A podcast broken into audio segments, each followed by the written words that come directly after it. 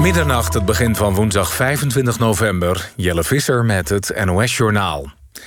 Het kabinet is niet van plan om mondkapjes verplicht te stellen... in kerken, moskeeën en synagogen. Dat zei minister Grapperhaus van Justitie in de Tweede Kamer. Vanaf 1 december zijn mondkapjes verplicht in theaters, bibliotheken en bioscopen... maar niet in religieuze gebouwen. Volgens GroenLinks, SP en D66 is dat niet goed voor het draagvlak van mondkapjes in de samenleving. Maar volgens Grapperhaus zijn mondkapjes in kantoren en clubgebouwen ook niet verplicht... en vallen kerken en andere gebouwen daar ook onder. Opnieuw is een partijprominent van Forum voor Democratie opgestapt. Senator Paul Cliteur houdt er met onmiddellijke ingang mee op. Cliteur zegt de motivatie niet meer te kunnen opbrengen om door te gaan. Hij blijft wel lid van de partij. Paul Cliteur wordt gezien als mentor van Thierry Baudet. Die trok zich terug als partijvoorzitter en lijsttrekker... na ophef over de jongerenbeweging van Forum voor Democratie. Vanmiddag is ook Tweede Kamerlid Theo Hiddema per direct vertrokken. Joe Biden heeft als eerste kandidaat in de geschiedenis van de Amerikaanse presidentsverkiezingen meer dan 80 miljoen stemmen gekregen. Biden kreeg 51% van de popular vote tegen 47% voor president Trump. Met een kleine 74 miljoen stemmen noteerde Trump ook een record, maar dan voor een verliezend kandidaat. Er worden nog altijd stemmen in de VS geteld. Biden is ook in Pennsylvania en Nevada officieel tot winnaar uitgeroepen. De vreugdevuren op de stranden van Scheveningen en Duindorp gaan ook komende jaarwisseling niet door. Oorzaak is de aanhoudende coronacrisis. De Haagse burgemeester van Zanen heeft dat gezegd tegen de bouwers van de vuren. Reden is de stagnering van het aantal coronabesmettingen. En dan het weer. Vanavond en vannacht opklaringen. Plaatselijk koelt het af tot rond het vriespunt. Morgen zon en wolkenvelden. Het wordt dan ongeveer 9 graden. Dit was het NOS Journaal. NPO Radio 1. VPRO. Nooit meer slapen.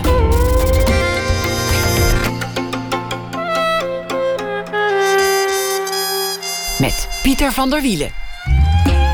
Goedenacht en welkom bij Nooit meer slapen, waarin we vannacht alles en daarna de rest hopen te horen over de katholieke slagerszoon van de Veluwe die wel kon tekenen, maar niet kon deugen, die niet koos voor het potlood, maar voor de pen, de pen die geluid maakte hmm, en die dan onder de huid onuitwisbare plaatjes achterliet. Henk Schiefmacher is hier, een van 's werelds meest gevierde tatoeageartiesten. Moet ik er wel even bij zeggen, er was natuurlijk een tijd dat de tato gold als iets van de nacht, van de anticultuur, iets voor zeeschuimers, soldaten en gedetineerden. Lang voordat elke zichzelf respecterende huisvrouw een kontgewei kreeg. Henk Siefmacher betekende de huid van popsterren Kurt Cobain, de Red Hot Chili Peppers en god weet wie al niet meer. En hij is ook een groot verzamelaar van alles wat met de rijke geschiedenis van de tatoeage te maken heeft artefacten die hij verzamelde tijdens zijn vele reizen over de hele wereld. En die nu verzameld zijn in een groot boek, een lijvig werk, verschenen bij Taschen. En dat is een uh, boek dat voor mij ligt, 5,5 kilo zwaar. Henk Schiefmacher is van 1952. Henk, welkom. Wat leuk dat je gekomen bent. Ja, een gewichtig boek. Nou, het, is, het, is, het is niet eens met één hand te tillen. Ik denk dat mijn vader precies zou weten, zo kon schatten wat het woog. Omdat hij dat wist van Ja, van, die van de slagerij Cote wist hij dat Ja. is een half pondje, dit is een kilootje. Dat konden die mannen feilloos. Wat, wat is dit voor moment voor jou dat, dat dit project af is gekomen, dat dit is gelukt? Ik heb het daar wel best wel. Kijk, het is natuurlijk een project wat ontstaan is eh, in de nadagen van het museum. Wat, wat er was. En, eh, toen heb ik een beetje ge- gezocht van mm, hoe, hoe kan ik dat museum redden? Wat kan ik nog doen om die tent eh, te redden? En toen heb ik ook contact gezocht met Tasje. Ik heb 25 jaar geleden een boek met ze gemaakt. Duizend tattoos. En dat is ongeveer het best verkochte boek wat er ooit over tatoeage gemaakt is. En dat wist die Benedict ook nog erg goed. En, eh, maar ik, ik, ik was altijd al jaloers op hun. op de boeken van deze serie. Het circusboek, het magieboek.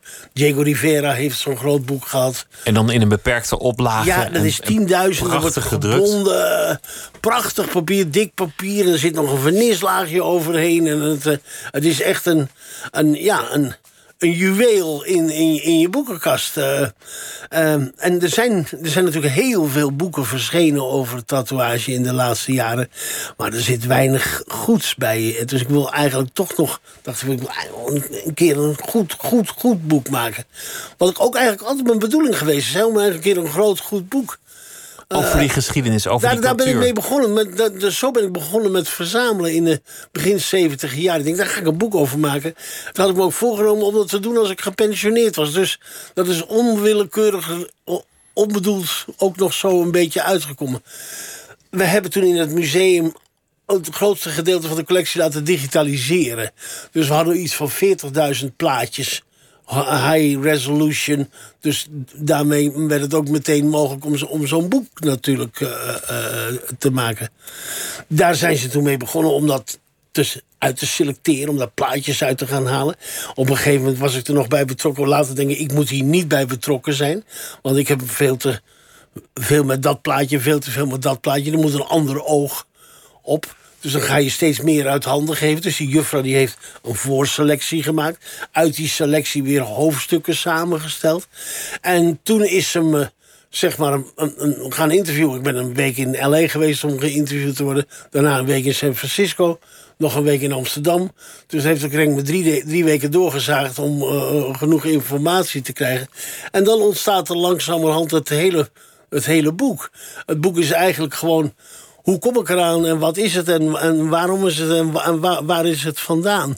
Ze, het boek heeft ze, eh, de, de, de kleerhanger die ze gebruikte, ben ik eigenlijk zelf uh, geworden. Dat, dat was in eerste Jouw verhaal en alles wat jij weet over tatoeages is ook de inleiding in de geschiedenis en, ja, het waar is het een, vandaan ja, komt. Het is een, een, een boek wat over, over mezelf gaat. Dus het is een behoorlijk megalomaan, groot en nou, er was een moment, al, alweer een aantal jaartjes geleden, dat, dat het er toch, nou ja, een beetje zorgelijk uitzag. En dat, dat je ineens toch oog in oog stond met de mogelijke situatie dat je er niet meer zou zijn.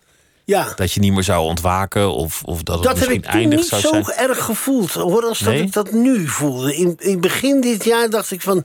Ik ben er wel. Nou in balans, weet je wel. Toen die, toen die corona kwam, ik, waar zijn we nou in balans? Nu, nu heb ik iets er zit een vijand in de struiken die ik niet kan zien. Uh, die op me schiet. Een beetje wat die Amerikanen over zijn. en de Vietcong, they wear black pyjamas and shoot you at night. Een beetje zo'n... Er is iets angstigs. Zonder dat je het kan zien. En, het omringt je. En dat, ik denk, ga ik nou die... Ga ik dat... Ga ik dat boek halen? Ga ik... dus ik ben er toch wel het hele jaar een beetje... Op mijn manier voorzichtig. Vanaf 12 maart heb ik eigenlijk niet echt serieus meer getatoeëerd. Uh, op een enkeling na die van ver kwam. Of die, die ik op zijn benen mocht tatoeëren. Dus dat ik een, een, een, een, een persoon liggend op de tafel... een behoorlijk stuk afstand nog van de persoon heb. Maar echt, dat hij niet over je heen kucht tijdens het tatoeëren? Ja, nou ja, het is natuurlijk toch een extreem contactberoep. En uh, in de prostitutie kun je de boel oplossen door alles doggy-style te doen. Maar dat, dat is niet bij ons. We zitten overal over het lichaam uh, heen. En een nagelmens die kan nog een gat maken waar de handen onder doorgaan en dan de nagels werken. Maar de kapper en de tatoeëren zijn, zijn, en, en de fysiotherapeut zijn toch allemaal dingen die heel dicht op het lichaam zitten. Maar als jij het loodje had gelegd, nou ja, zelfs al voor het museum misschien, dan dan had daar die hele collectie gelegen waar niemand de weg in had geweten, niemand had geweten wat het was. Dat is een chaos. Ik... Het was, was natuurlijk gewoon een verzamelaars. Ja, er is nog veel meer. Ik, ik ben veel meer een jager geweest als een, een goede verzamelaar. Uh, een goede verzamelaar zou ook nog een keer. Uh, zeg maar een, boekhouder moeten zijn die dat allemaal netjes van provenance voorziet. Die uitzoekt wat is wat en waar komt dat vandaan. En, en door wie is dat gefotografeerd en in welk jaar. Dat heb ik helemaal, helemaal nooit gedaan. Dat heeft deze juffrouw nu wel met een heleboel van dit spul gedaan. We zijn heel diep erin gegaan en op zoek gegaan naar verschillende internationale uh, voor het, het, heel grappige mensen allemaal hoor. Want dan heb je met, met Jimmy Screws te maken, die een derde generatie tatoeëerder is, die nog de dingen weet van zijn grootvader. Een hele platte Engelse jongen uit Bristol vandaan, maar die een, geweldig geheugen uh, heeft. Of met Paul Sarge, ook nog zo'n meneer uit Engeland. Hello mate. En die, dat, is, dat, is, er zit een, dat heeft een eigen groep van historici. Het is een onvertelde, onbeschreven geschiedenis die, die ook heel veel meer zegt over andere geschiedenissen. Want de tatoeage is een snelle ingang in de cultuur. En dan niet, niet zozeer de cultuur van de koning en de prins en zijn gemaal, hoewel die zich ook lieten tatoeëren. Maar van, van een soort onderstroom van, van, van de cultuur. En hoe ging dat dan? Als je, als je die verhalen verzamelde, of die, of die platen, of die artefacten, of, die, of zelfs stukken huid. Ja, je, was op reis, waar, waar vond je dat? Nou, op dit moment is, wordt dat steeds moeilijker. Er wordt, er wordt erg veel geld voor betaald op dit moment. Er zijn grote verzamelingen, uh, uh, mensen die vrij snel grote verzamelingen gemaakt hebben. Uh, mijn hoogtepunt van verzamelen ligt zo in de 70 en de 80 jaren. En toen kon je nog voor een redelijk bedrag een aardig stukje tattoo-antiek kopen. Iets. Je kocht toen voor, laat ik wat roepen, 800 euro. Uh, een, een, een, grote stapel papier. Waar je nu makkelijk uh, uh, 20.000 voor zou, zou kunnen krijgen. ik kan me herinneren dat ik bijvoorbeeld opgebeld werd of ik een partij tattoo-documenten, papier door elkaar heen wou kopen in Bristol. En dat dat in een achterkamertje van een tattoo shop zat. En het was een, een, een, een klein slaapkamertje, 1 bij 2 meter misschien, echt bijna. En daar lag twee, anderhalve meter papier in. En daar leefden twee, drie Duitse herders bovenop. Dus de bovenste laag was helemaal doordrenkt en gekristalliseerd van de zeik van die, van die honden. En er lagen hondenkeutels in. Dus we hebben eerst die hele laag shit eraf moeten En dan maar voorzichtig om te kijken of er misschien nog iets tussen zat wat we wel wouden laten schoonmaken. En die onderste laag, daar heb ik een groot gedeelte van meegenomen. En met de ramen van het autootje open terug de pont op naar Nederland. En tot op de dag van vandaag hangt er een soort van lichte zijklucht in het atelier... waar het spul allemaal staat opgeslaan. En de kat is er ook nog steeds. Als ik de kat niet, even niet in de gaten houd... die pist nog een keer tegen mijn papier aan. Dus dat is altijd best wel een... Uh, ja, er is nooit geen zeg maar, groot geld in gegaan om bijvoorbeeld dingen te restaureren of om dingen te, uh, schoon te maken. Er zit spul bij van de Bowery in 1910, wat helemaal bruin gerookt is.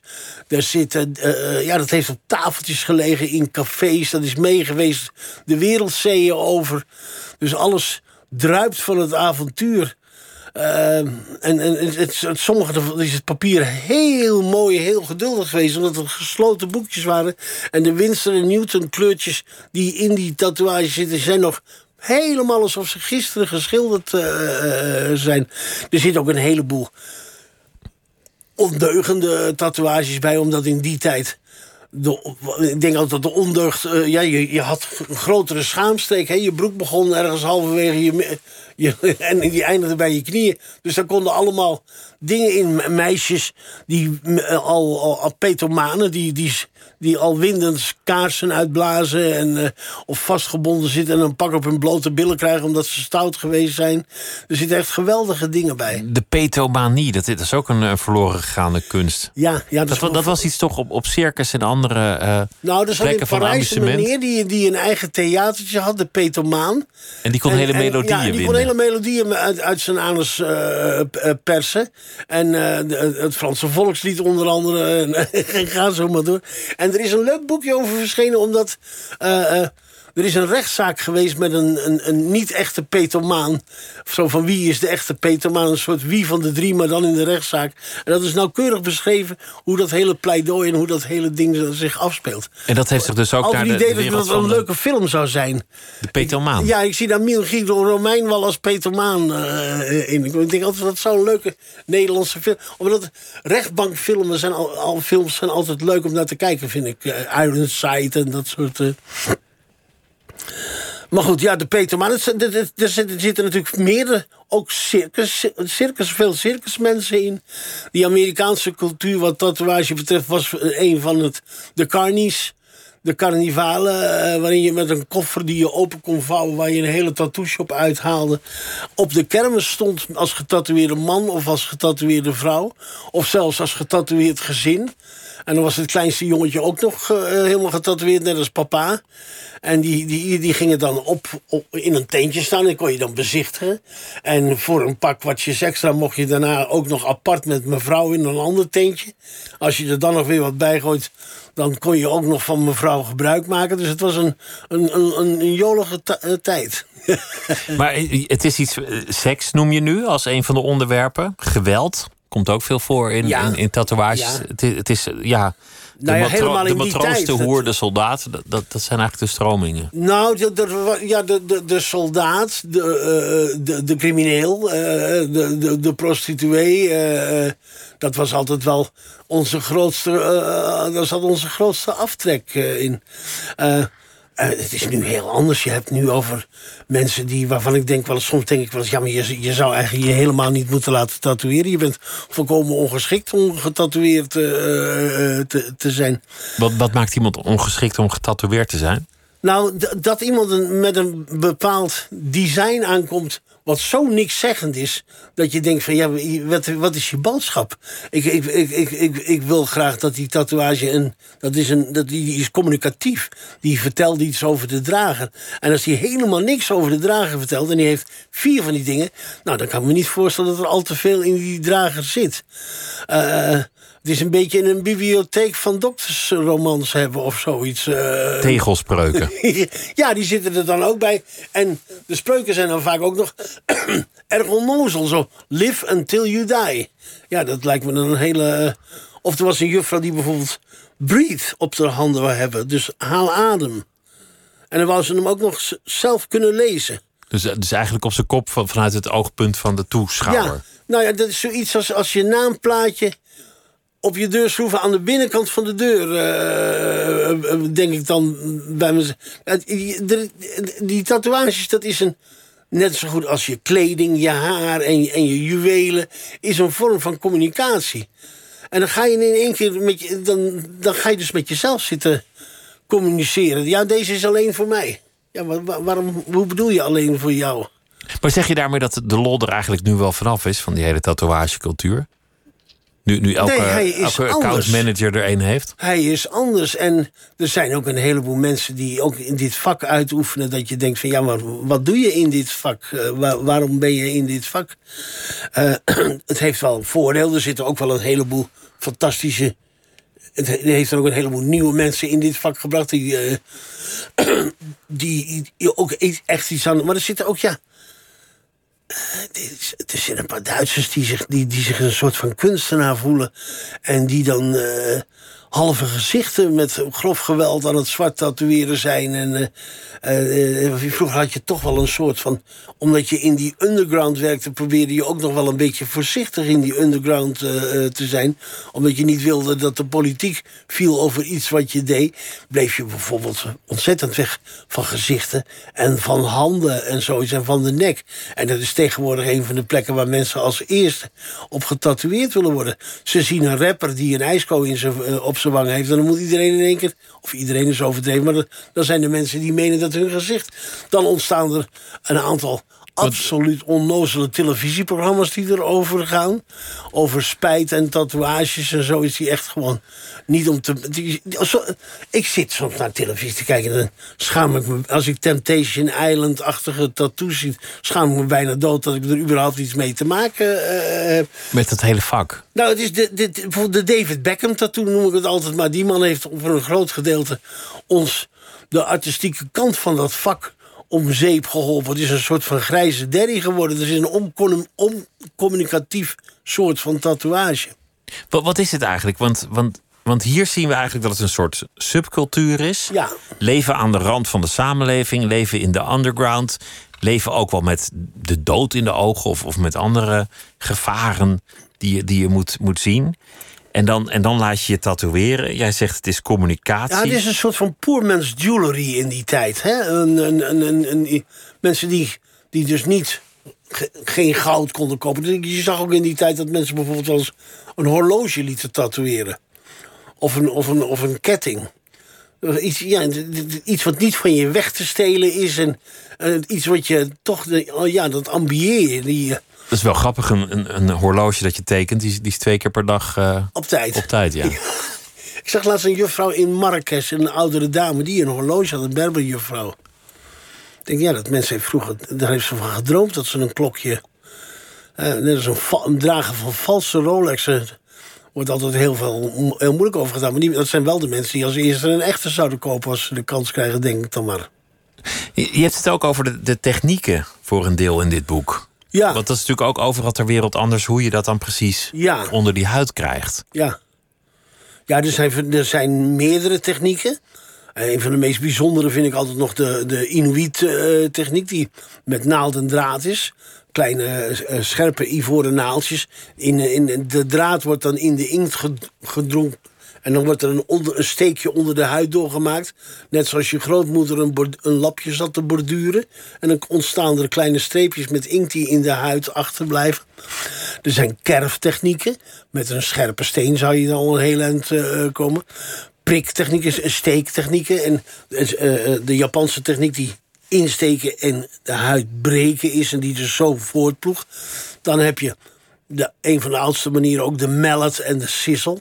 Dus dan heb je een, een, een harkje. Wat dan ook in, in, in Polynesië overigens ook au heet. Dat is een, mo- mo- een mooie naam. Toepasselijke naam. Ja. En dan wordt het er met een ander stokje in eh, geslagen. En eh, dat, daar heb je kammen in. Die, die kammen zijn bijvoorbeeld heel breed. En dan heb je een hele lange streep in één keer. En die hele kleine, en die kleine die, is, die valt nog wel mee, dat is een tikje. Maar als je zo'n klap van zo'n kam krijgt, die, die in één keer vijf centimeter, een streep van vijf centimeter ergens achter bij je billen erin zet, dat is toch wel een aardige klap op je. Dat voel je wel. En dan uren en uren bezig zijn. Want tegenwoordig kom je binnen een kwartier weer buiten met, met een klein tatoeagetje. Nou, er wordt tegenwoordig wel wat tijd aan gemaakt. Want er zijn heel veel die mensen die, die maken een soort van superkunstenaar van zichzelf. En die, die werken op een uurloon. En eh, die, die, die zijn tegen het plastisch chirurgische aan. Hè. Die hebben een, een raar grijze tent met een grote foto. En eh, eh, met een juffrouw aan de balie met opgespoten lippen die je de weg wijst. En, dus dat is, dat is ook wel weer een beetje aan het, aan het eh, veranderen. Ik vind nog steeds dat je dat je, er moet een zeker avontuur zijn aan je tatoeage. Je moet naar een tent toe waar je dan ook nog een keer door een, ja, misschien iets wat vreemde kerel, liefst met één been. En dan liefst om drie uur s'nachts dronken... en dat je de volgende ochtend wakker wordt met hoofdpijn ik- en een nou ja, tatoeage. dat, dat mag allemaal niet meer. Daar hebben we allemaal een eind aan gemaakt. Maar ik mis het wel een beetje. Dat, dat ouderwetse wat je vroeger op de wallen had. Dat het hele zootje toch ook nog wel eens dronken kon zijn. Of tegen het dronkene aan. Ja, dat, dat, dat kan helemaal niet meer. De GGD-regels en reglementen gaan over geen drugs en geen drank. En eh, er mag bijna niks meer. Er mag niet meer gerookt worden in die tent. Vroeger zat zo'n tatoeëerder met een peuk in zijn handen zonder handschoenen. Ja, maar Toen, toen jij een jongetje was, had je twee grote interesses. De een dat was tekenen, kunst. Ja. En de ander was geschiedenis. En dat is eigenlijk altijd zo gebleven. Ja. Je hebt een enorme interesse in de geschiedenis... maar dan, dan niet zozeer alleen de, de, de veldslagen en de di- dynastieën... of de pauselijke traktaten... maar de, de geschiedenis die eigenlijk niet altijd de boeken haalt. De onderstroom zou je het kunnen noemen. De, Ja. de geschiedenis die mensen het liefst zouden uitwissen. Nou, ik weet niet of dat per se de, de, de, mijn, eh, maar de gewone mens heeft, heeft, eh, en, en de volkscultuur eh, heeft me altijd geïnteresseerd. Vooral wat ze dan maken. En, en, en, en, en, hoe dieper je dan gaat, hoe mooier je het te vinden. Dingen die in de Eerste Wereldoorlog in de trenches gemaakt zijn. Kunst die daar gemaakt is door mensen die hun geliefde thuis missen... en die de soeplepel kapot knippen en dat tin inleggen in een doosje... en daar een mooi naampje van maken in een, in een houten ingelegd kistje... met een spiegeltje aan de binnenkant en dat meenemen terug uit, uit, uit die trenches vandaan. Of iemand die in de gevangenis kunst maakt. Ik heb een, een kleine collectie hiernaast die gaat over gevangeniskunst. En eh, daar zitten gewoon krankzinnige mooie. Dat kan van dobbelsteentjes tot aan de Heere Jezus die een mes achter zijn rug verstopt heeft. Uh, ik, ik, ik heb bijvoorbeeld ook een keer van iemand gekregen de distilleerketel van Hans van Zet... die hier in, in, in, in, in, in het, in de kliniek in Groningen had... waarin hij stiekem jenever stookte. En ook een paar ladders een, paar ladders en die zijn van kleerhaakjes gemaakt. En daar heeft dus iemand... Voor mij, dat is een bende als je dat ziet. Maar als je het ziet hangen, dan denk je... Ja, shit, hier heeft toch iemand zijn leven aan gewaagd... om te proberen uit dat hok te klimmen. Alle sleutelgaten van de Mesdagkliniek heb ik op een stukje papier... die door iemand allemaal nagemaakt zijn. In de gevangenis en in dat soort dingen... wordt niet direct meer zo uh, kunst gemaakt met het hoofd, maar er wordt kunst gemaakt met het hart. En dat wordt aan elkaar geplakt met tranen, met verdriet. En, uh, en, en dat, dat heeft me altijd ontzettend aangesproken. Er is zoveel beredeneerde kunst.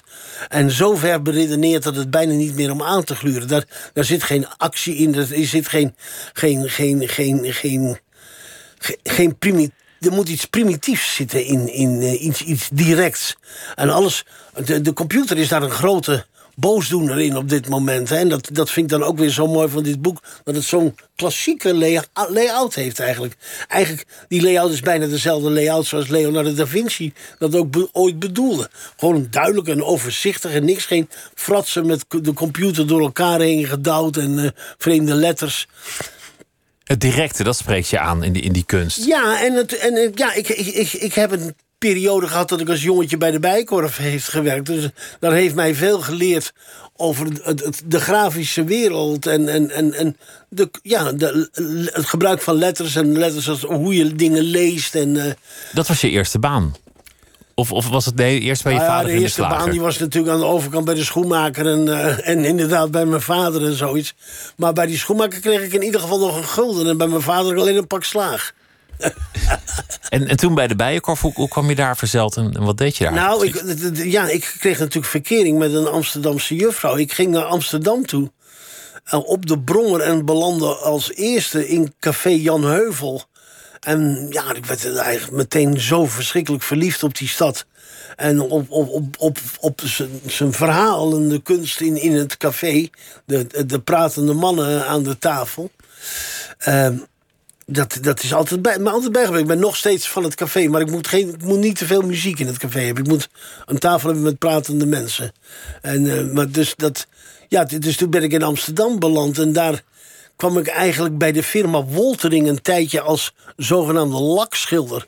Dan moest je met zo'n kwastje alle plakkaatverven bordjes voor in de etalage maken. En aan de overkant was de bijenkorf. En ja, dat was het grote ideaal van iedereen die ook maar in de etalagewereld of in de reclamewereld wilde. En toen, toen werd de Bijkorf Centraal Reclamebureau opgericht. En dat zat waar nu de parkeergarage is. En daar heb ik toen gesolliciteerd. En daar heb ik een aantal jaren gewerkt.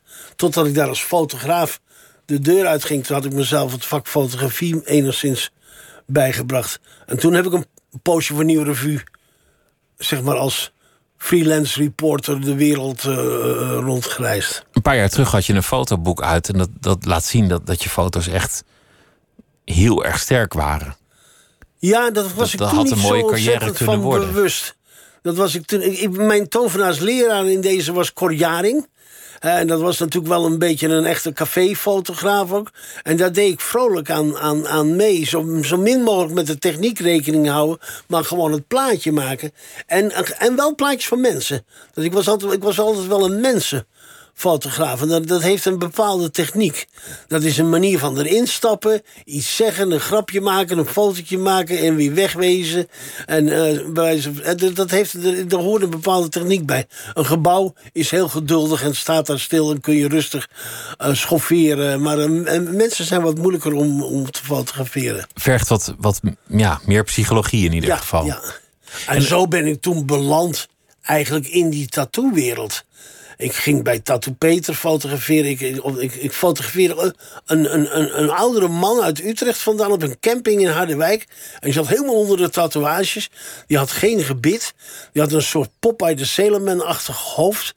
En die dronk, die dronk enorm veel. En die had als bijnaam kadaver.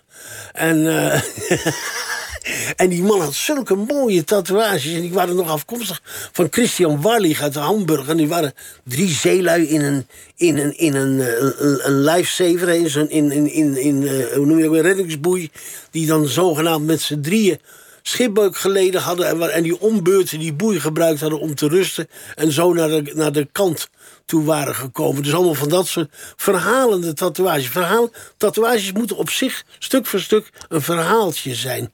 The Illustrated Man dus dat, dat, die, die, die, die tatoeages praten dan voor die man. Toen dacht ik van, dat lijkt me nou ook nog... Ik, meteen had ik een soort van ambitie om zo'n soort grootvader uh, te worden. Ik denk van, dat is een goeie. Als je dan als opa zegt, ja, opa was in 18... Wat zeg ik? Opa was in 1995 in Moskou. Je levensverhaal van je arm halen en van je, van je buik. En, en, en, om aan je kleinkinderen te kunnen uh, vertellen. En dat is een beetje wat het toch helemaal geworden is. En wanneer ging je zelf tatoeëren? Wat, wat was de eerste keer dat je, dat je iemand bekraste? Um, ja, dat is ergens halverwege de 70 jaren. Toen had ik tattoo-spullen die, die ze me gegeven hadden... die ze in die tijd helemaal niet zo 1, 2, 3 aan mensen gaven. Maar omdat ik, ik hielp Tattoo Peter die had één been... En dat werd een beetje een vriend van me. En ik fotografeerde daar van alles als hij bezig was. En ik hielp hem mee zijn zaakje opnieuw schilderen... en andere tekeningen aan de muur hangen. En dan kreeg ik de oude tekeningen. En als, hij wilde dan eens naar Engeland toe op een tripje... maar dat kon hij niet vanwege zijn ene been. En dan droeg ik zijn koffer. En de mijne koffer, kon hij met zijn krukken gewoon mee... En dan gingen we bij allerlei oude tatoeëerders op bezoek. En die gaven mij weer tekeningetjes. En zo langzamerhand ontstond er een soort van verzamelingetje van businesskaartjes. En in die tijd was er natuurlijk nog geen internet. Dus je schreef elkaar. Je schreef elkaar een brief. Daar deed je een paar fotootjes en een paar kaartjes in. Die gingen dan dan maken we 40 brieven. Die gingen naar Australië, die ging naar Singapore, naar Toetam Johnny... en die ging naar de Illustrated Man in, in, in King's Cross. En dat, was, kwam, dat kwam dan na verloop van tijd kwam dat ook allemaal weer binnen... met allemaal mooie stempels erop en uh, mooie postzegels... En, en, en, soms van een illustratie voorzien. En er zat er weer een tekeningetje en een fotootje in. En die correspondentie die breidde zich steeds verder uh, uh, uit. En toen, dan, dan word je lid van de Japanese Tattoo Club... en de Tattoo Club Japan. Dan krijg je een brief van een Japanner waarin staat... With craned neck and in great anticipation... I look forward seeing you. Dan denk je, ja, dan moet ik naartoe. dus steeds, die band wordt steeds hechter. En, en ja, die, dat zuigt je als het ware gewoon... Die wereld in. in. Het putje in. En dan had ik een... Uh, ik had een... Uh, een oude machine van Peter. Die, dat, die, die waren toen, dat was, er zat een houten handgreep aan om te voorkomen dat je je handen brandde. Want dat ding wat bloed heet, als die aan, aan, aan, de. Uh, aan, de, aan het powerpackje zat. Liep op heel, liep bijna op 12 volt. Maakte herrie. Als, en er zat één naald in met 14 naalden die heen en weer knalden. En die dat, dan het werk moesten doen. En toen heb ik, ik denk, ja, daar heb ik een aantal mensen mee getatoeëerd. Op een gegeven moment heb ik een aantal Hells Angels zo getatoeëerd. Die, eh, die, eh, die, die, dat werden een soort van klanten van me. En die hadden zoiets van, kruip nou, waarom ga je niet hier in die kelder zitten uh, tatoeëren? De Amerikaanse marine is in de stad. En toen lag die hele stad vol met marineschepen. En, en, en, er was in die tijd nog geen urinetesten. Hè, dus uh, het hele zootje was zo stoned als een ganaal. En zo dronken als een aap. En die waren in die stad aan het passagieren. Die hadden net hun PD gehad. Dus die hadden allemaal hun salaris. Dus ik heb dat twee dagen lang in die kelder toen zitten tatoeëren. En ik dacht, ja, dat is niet alleen ontzettend leuk. Je maakt, maar je verdient er ook nog verdient er ook nog wat mee. En toen heb ik eigenlijk besloten om, om, om, dat, om mijn camera aan de wilgen uh, te hangen. En ik was toen met Patricia Steur uh, getrouwd. Uh, Patricia, als jij nou verder gaat met die fotografie... dan ga ik verder met die tatoeage. En zo schuin, wat wilden ze dan voor tatoeages? Kon je dat allemaal al zetten? Had je daar zo'n Nou ja, je was natuurlijk een handige tekenaar, dus je kon dingetjes hertekenen. En je kon eigenlijk op dat moment al een klein beetje vernieuwen. eh, eh, want Peter had een vrij primitieve hand. Achteraf, als ik, zoals ik er nu tegenaan kijk, vind ik die dingetjes juist daardoor zo mooi. Maar in die tijd probeerde ik dan toch al een, een soort van iets beter tekeningetje ervan te maken. Dat het doodshoofdje meer op een doodshoofdje leek.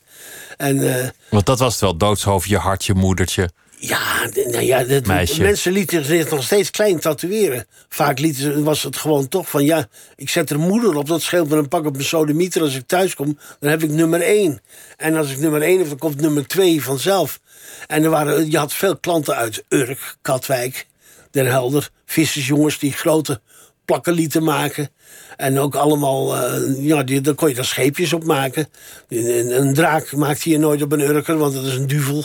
En Oh ja, ik thuis op, thuis op een sodemieter van moeder als, die, als er een draak op stond. Maar dus dat waren ook goede klanten. Die kwamen dan in het weekend. Die hadden goed geboerd. Op, voor zover je op zee kan boeren. Maar eh, die, dus, die hadden centjes verdiend op het water. En die, die gaven dat uit in een, in, een paar uur tijd op die wallen aan, aan eh Stoot, Screwed en Tattooed. Dus dan, eh, dan, dan we terug op huis en dan hadden ze, waren ze op de wallen geweest. Ze hadden een stuk in hun kont en ze waren getatoeëerd. En dan we de volgende dag maar eens kijken wat het was geworden. Het is wel een leuke plek. Je zit daar dan, in je keldertje... en het, het leven, de wereld, komt gewoon bij jou naar binnen waaien. Ja, en dat is het in die was een 80 bonte jaren was dat heel erg. En dat was ook eigenlijk de reden waarom, om, om, om, om- waarom niet, dat die hele fame is ontstaan. Omdat de hele wereld naar, dat, naar die Red Light District kwam. Dat was het Disneyland van de seks in eh, de Amsterdam. De, de, de, de, de stad van de vrijheid waar eh, dat allemaal maar kon. En toen kwamen ook vanzelf alle popsterren en, en acteurs en, en Ja, de eerste die kwamen, de eerste die ik tatoeëerde was Lemmy van Motorhead. Die, die, dat- was wel ontzettend grappig. want Dat was nog met de oude machine die ik toen had. En dan krijg je op een gegeven moment. eh, eh, ja, dat, dan, dan, dan, ontstaat MTV. En MTV, die, die, die waren op dat moment met video's bezig. Dus mensen zagen, eh, er werden, eh, eh, je zag die, je artiesten zingen. En, en toen de Red Hot Chili Peppers kwamen, die deden in die tijd al hun videootjes zo goed als in hun blote kont. Dus alles wat ik erop zette, dat, dat kon je goed blijven zien. Dus dat was een uitstekende reclame. Had ik nu bijvoorbeeld, ik heb Willy de Vil ook getatoeëerd. Maar die man hield grotendeels zijn jas aan. Dus daar altijd een mooi pak aan. ja, hele mooie pakken. Dus daar heb je dat niet meer, veel minder aan. En voor de Peppers heb je later ook wel albumhoesen gemaakt en, en andere ja, tekeningen. Ja, en- ja dat was natuurlijk helemaal leuk. Dat was, dat, die heb ik niet helemaal alleen gedaan. Hè. Dat was, eh, de, de foto's waren door die Gus Van Zandt gemaakt. En die stonden om die kop. Ik moest daar een soort van tongsituatie in tekenen. En in het midden staat een roosje wat nog van Salvador Dali is. Dus ik was wel in een goed gezelschap op die, eh, op die hoes. Je hebt, je hebt ook muziek meegenomen, niet de Peppers of Motorhead, Nee, maar iets ga- van de Marx Brothers. Ja, ik, eh, toen dacht ik, van, ik, ik zei tegen eh, draaien we ook muziek? En die zei, nee, we draaien geen muziek. Ik denk, dat, shit, dat is jammer, want er zijn best wel heel veel nummers die, waarin tatoeages aan bod komen. En een van de eerste en leukste nummers die ik ken, waarin een tat- tatoeage aan bod komt, heet Lydia en is van de Marx Brothers en gaat over een getatoeëerde circusdame, waarvan er heel veel in dat boek staan. We gaan luisteren. Ja. Oh, Lydia, oh, Lydia, say, have you met Lydia? Lydia, the tattoo lady. She has eyes that men adore so, and a torso even more so. Lydia, oh, Lydia, that encyclopedia.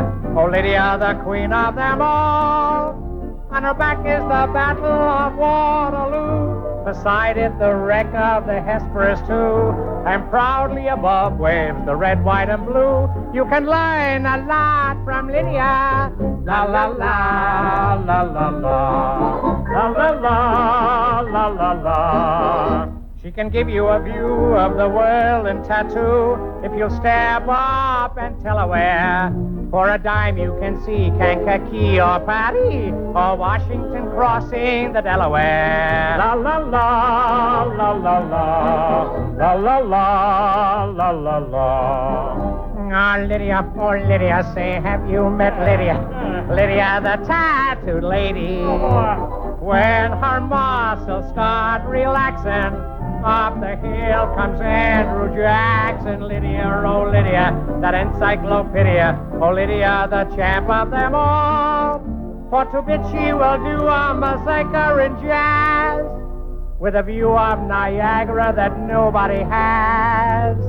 And on a clear day you can see Alcatraz. You can learn a lot from Lydia. La la la, la la la, la la la, la la la. Come along and see Buffalo Bill with his lasso. Just a little classic by Mendel Picasso. Here is Captain Spaulding exploring the Amazon. Here's Godiva, but with her pajamas on. La la la, la la la, la la la, la la la. Oh Lydia, oh Lydia, oh have you met Lydia? Lydia the tattooed lady. When she stands, the world grows littler. When she sits, she sits on Hitler. Lydia, oh Lydia, that encyclopedia. Oh Lydia, the queen of them all. She once swept an admiral clear off his feet. The ships on her hips made his heart skip a beat.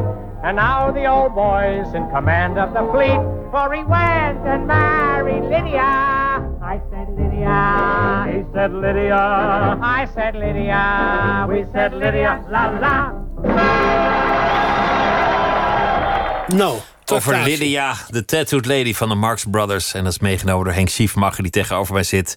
Een van 's werelds bekendste tatoeageartiesten. En hij heeft een eh, groot boek geschreven over de geschiedenis. En over zijn eigen privécollectie van eh, tatoeagekunst. En dat is eh, verschenen bij Taschen, een boek van zo'n 5,5 kilo. Echt een, echt een tafelwerk. Een ontzettend leuk liedje is dat. En de Ja. Marx Brothers zijn natuurlijk ook nog steeds zo geestig. Ja, het, gaat, het is leuk, want er zit een stuk in het boek... die alleen maar eh, eh, exclusief over die circusdames eh, eh, ging. In 1902 was P.T. Barnum met het hele zootje in Bergen op Zoom. Ik weet niet waarom in Bergen op Zoom... maar in ieder geval stonden ze daar met die, die treinen vol met mensen. En toen was er Frank en Anne Vanderburg waren mee. En die waren totaal getatoeëerd.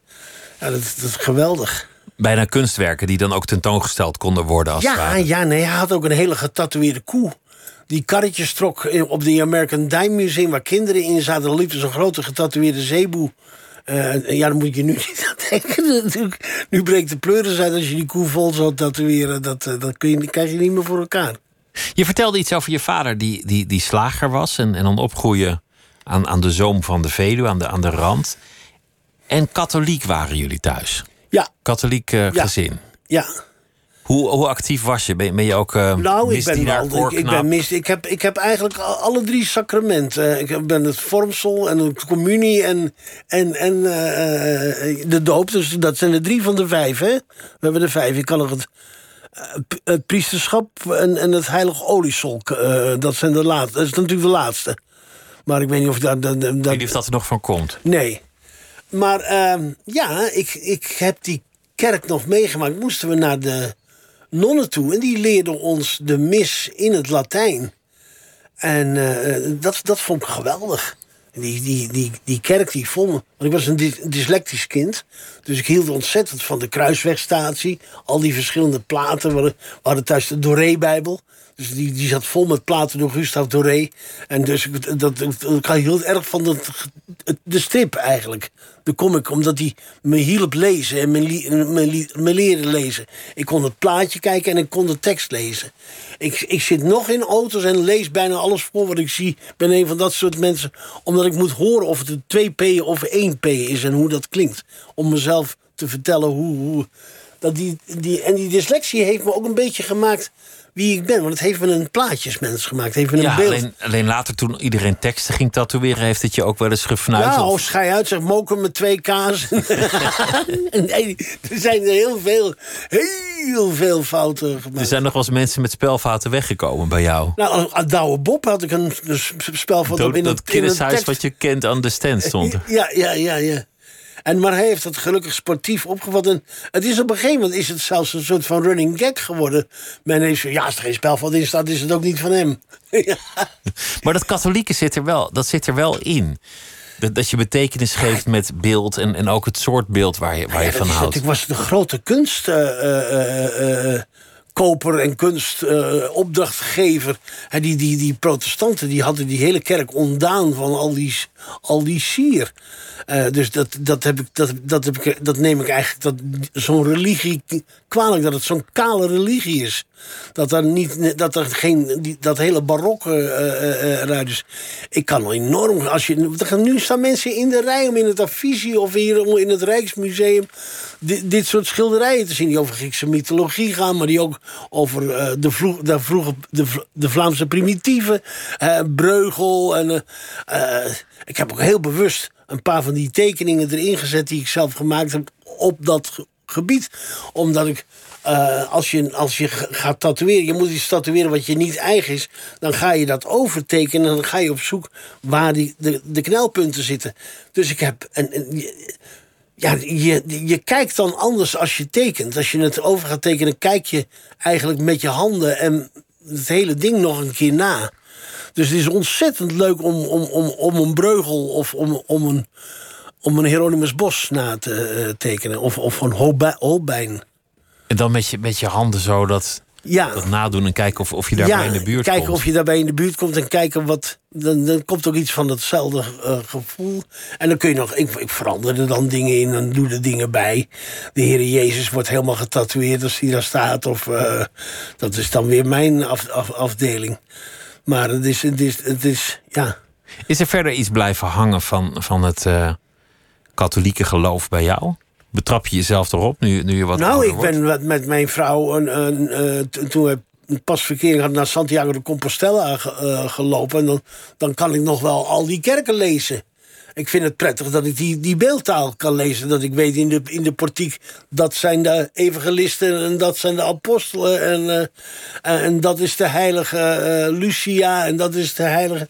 En ik, ik mag ook graag heilige tekenen. Ik, eh, de heilige corona is een van de laatste tekeningen die ik gemaakt heb. Dat arme kind is tussen twee palmbomen vastgebonden aan touwen en die, die, die, gebogen waren. En toen is het touw losgesneden, is dat arme kind in stukken gerukt door die palmbomen. In, ik geloof in 326 ergens in Syrië.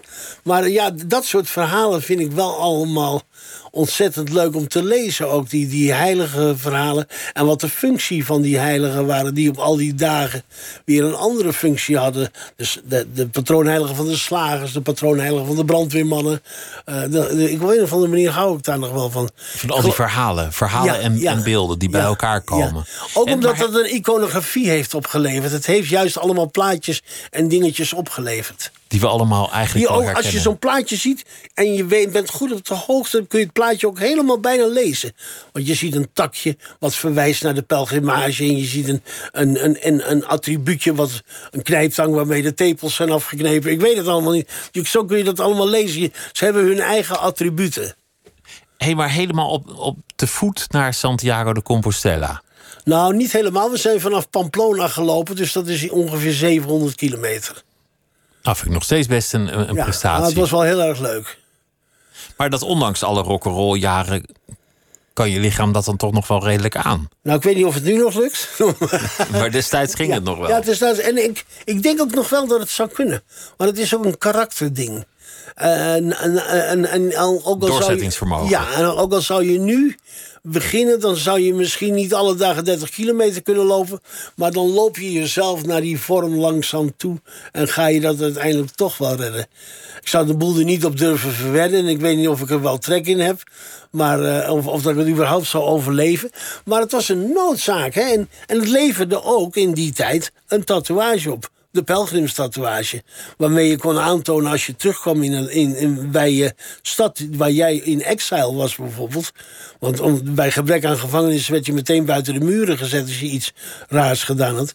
Dus dan kon je dat weer goed maken door middel van een pelgrimage. Maar dan moest je wel laten zien dat je zo'n ding had.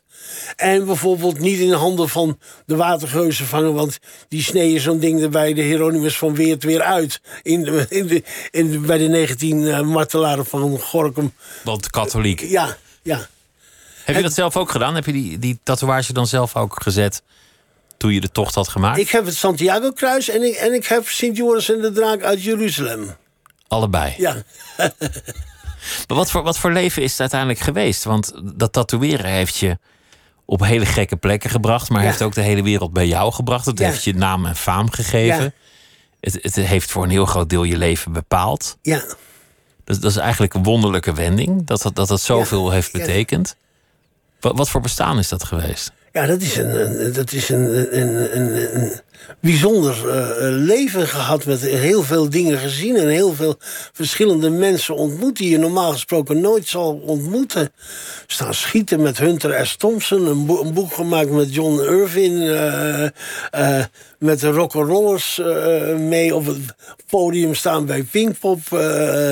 Eh, een toetje gemaakt met Sergio Herman. Dus ik, ik weet het allemaal niet. Het zijn allemaal, Allemaal dingen. gekkigheid. Allemaal gekkigheid en dingen. Ja, ook omdat ze in een soort van. Misschien is gekkigheid wel de juiste benaming. Want ze zijn wel heel los gemaakt. En als je dingen wat losser doet, wat minder dwang. Mijn dochter zegt wel eens: Pap, dat moet je niet doen, want je doet veel te veel. Ja, maar Herman Brood zei altijd tegen mij: Je moet alles doen wat je kan doen. Hè? Herman zei van. had het tegen Herman: Herman, de hele stad hangt vol met posters. Zei ja, als je nou een plekje hebt gevonden waar er niet één hangt, moet je dat even zeggen. Dan ga ik daar nog één laten ophangen. Dus dat was een beetje. Ik heb daar nooit eh, moeite mee gehad om allerlei verschillende projecten aan te pakken. Eh, en, soms misschien had ik misschien beter niet kunnen doen, omdat het hele zootje niet goed verkocht werd, of fa- failliet ging, of, de- of fout was. Maar ik vond het gewoon leuker om het ding te maken, als om het ding uiteindelijk te verkopen. Dat moet een, een, een, een ander eh, eh, doen. Dus dan was het kunstwerken of, of Delfts Blauw wat je hebt gedaan. Is of, eh, of het museum en, Ja. en, dan, en dan door. Op Ja, ik naar het zeer volgende. zeker. Ik, dat museum, ik, had ik, daar had ik nooit in moeten stappen. Dat was een veel te veel. Ik wil heel graag situatie. En ja, ik, ik geloof dat ik het. Ik heb er zeer zeker geen spijt van. Want ik weet nu dat het mogelijk is om zoiets te maken. Dus als ik het nog een keer zou moeten maken. dan heb ik zeg maar mijn oefenwedstrijd al gespeeld. Dan zou ik het absoluut nog een keer kunnen maken. Maar ik wil geen manager zijn van het hele gebeuren. en verantwoordelijk voor de financiële kant. Het moet wel de kunst blijven, de Een samurai creativiteit. praat niet over geld. Al, al die mensen die, die dan komen, die willen eigenlijk iets van zichzelf vastleggen, zich onderscheiden, een soort van identiteit Dat vastleggen. hoop je, dat hoop je. En dat communiceren naar de wereld. Ja. Alsof te zeggen: dit is mijn leven, dit is wie ik ben, Ja. dit maakt mij uniek, dit is mijn verhaal. Ja. En niemand mee, neemt Nou, mij er dat wordt het af. wel veel, veel vals gespeeld, vind ik. Weet je, wel, er wordt op dit moment. van- Want het komt uit een boekje of van. nou, van nee, men, men zet er dingen op die, die, die, die niet per se direct bij die mensen horen, maar omdat die op dat moment modisch eh, zijn. Je moet je dan niet. eh, ja, het is net hetzelfde als dat je, dat je. Als je in een café staat, dan staan er vier vrouwen die dezelfde neus hebben en dezelfde lippen. Eh, als je daar een kind bij zou maken, dan krijg je toch weer een joch met flaporen en een, rare neus. Weet je wel, die, die, die, die, die, die plastische chirurgische veranderingen die zitten niet in de genen. Al- alles is een beetje aangeharkt, toch? De, de stad toch ook wel. Ja, ja, ja, ja. Ja, dus de, de, het mag wel wat rauwer blijven. Je ziet dus ook bijvoorbeeld... Ik ben wel op plekken geweest in de wereld die, die heel ruw waren. En die werden dan op het wereldcultuurerfgoedlijst gezet... waardoor de neons van de muren gehaald werden... en alle huizen in dezelfde kleur werden geschilderd. Weet je dus dan werd de boel eigenlijk vernield. Er werd de rauwheid eraf gehaald. Eh, dus ja, dat, is dan in, dat werk dat kon dan in één keer niet meer. Puerto Rico is zo'n stad. Het is gewoon helemaal vernield door de wereldcultuur. eh. En moet, je moet ook, ook dingen laten gaan. En eh, rust, roest en, en, en rot en mos. En eh, dat zijn, dat- ik vind dat, dat is altijd, dat is altijd mijn favoriete dingen eh, geweest. De plekjes waar het een beetje gaat woekeren. Dat, Ja. dat vind je eigenlijk Ja, het leukst. ja. Maar, maar de wallen in Amsterdam, die, die, die zijn nagenoeg seksloos aan het worden. Ja, daar, daar zit ik dus ook al een jaar of 26 niet meer. Ik ben eigenlijk ook blij dat ik 25 of 24 ben blij dat ik er niet meer zit. Ik hoef er niet meer te, te zitten. Want aan de Weesperzijde, daar, daar was het toch al niet. Nou, aan de- ik was aan, ik, ik, we zitten nu in de pijp op, op de Centuurbaan. Eh, dat is een stuk rustiger. We hebben een, we hebben een ander soort. eh, ja, we hebben veel vaste klanten. Mensen die over een langere tijd meerdere tatoeages eh, laten maken. En wat ik nu een beetje mis en wat heel erg voor mij leuk is is die pelgrimage die er is van allerlei jonge tatoeëerders wereldwijd... die langskomen om het te zien. En die een klein tatoetje eh, eh, van me willen. Een souvenirstatoetje om, om er één te hebben voor hun verzameling. Dus ik ben een verzamelobject geworden voor, voor jonge tatoeëerders. En dat vind ik ontzettend leuk. Een echt kunstwerk, van ik heb een echte chiefmacht. Nee, die zijn heel, dat is heel simpel, want ik heb ooit een doodshoofdje ont, eh, on- ontworpen. Een heel simpel dingetje met een groot oogje en een klein oogje.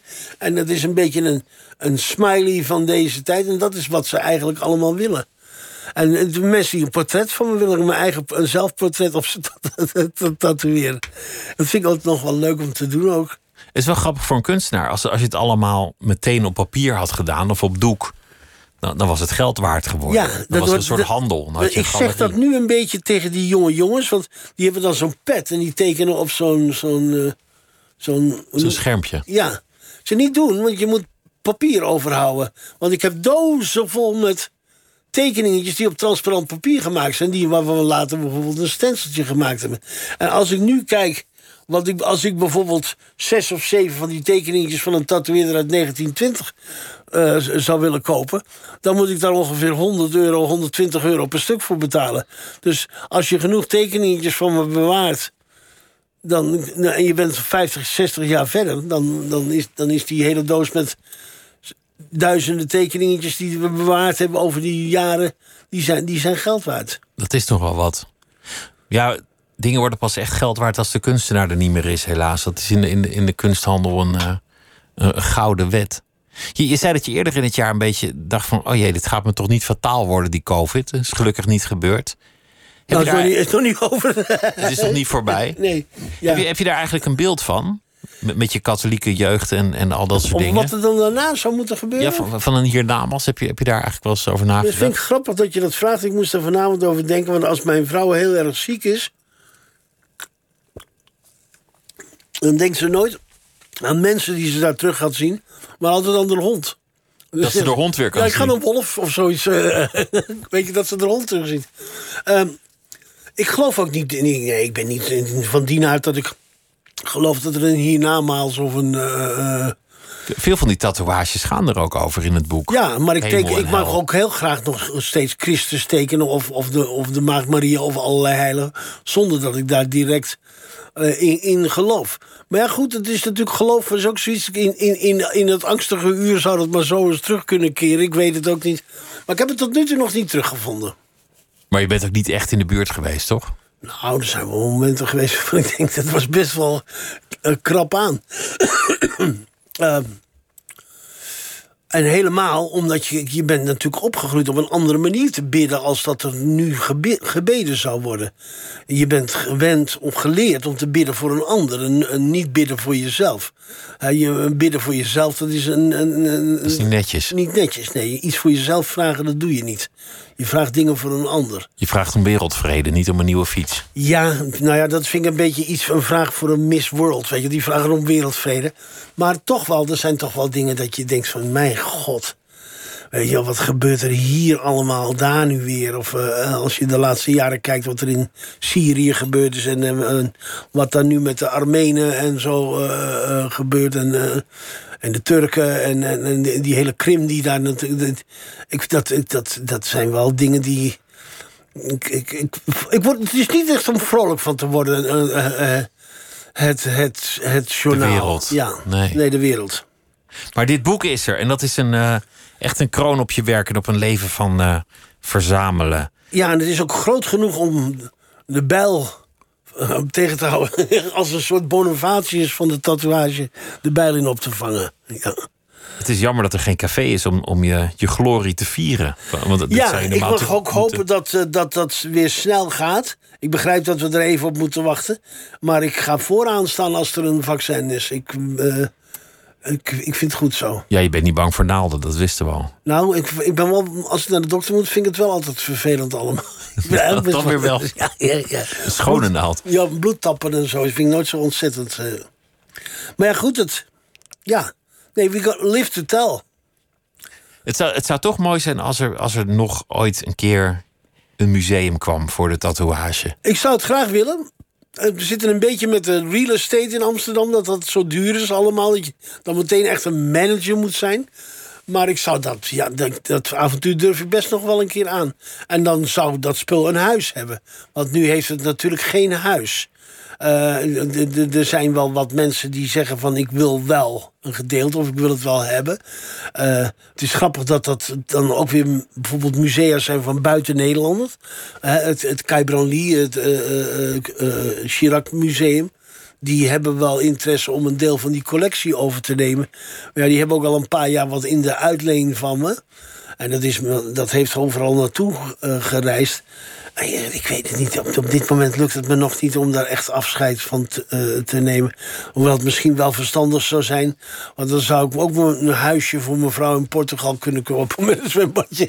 Maar het is wel wat waard geworden.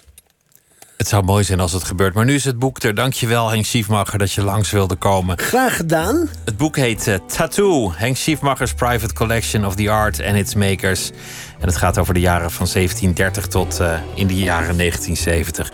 Dankjewel, was leuk om met je te praten. Leuk ja. dat je weer wilde Ik vond het ook leuk om er weer eens te zijn. Ik neem een, een stokje wodka en dan laat ik mij over een doodstille snelweg terug naar huis brengen. Dankjewel. Dankjewel. Goeie reis. En morgen dan is Linde Schone te gast in Nooit meer slapen. Goeie nacht en graag weer tot morgen en zometeen Miss Podcast.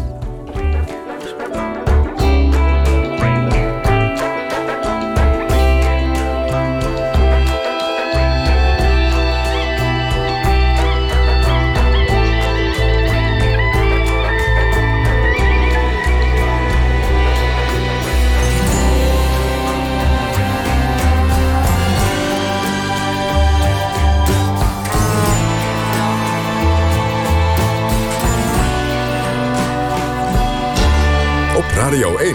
Het nieuws van alle kanten.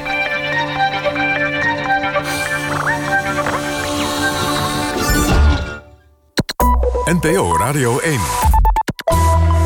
1 uur.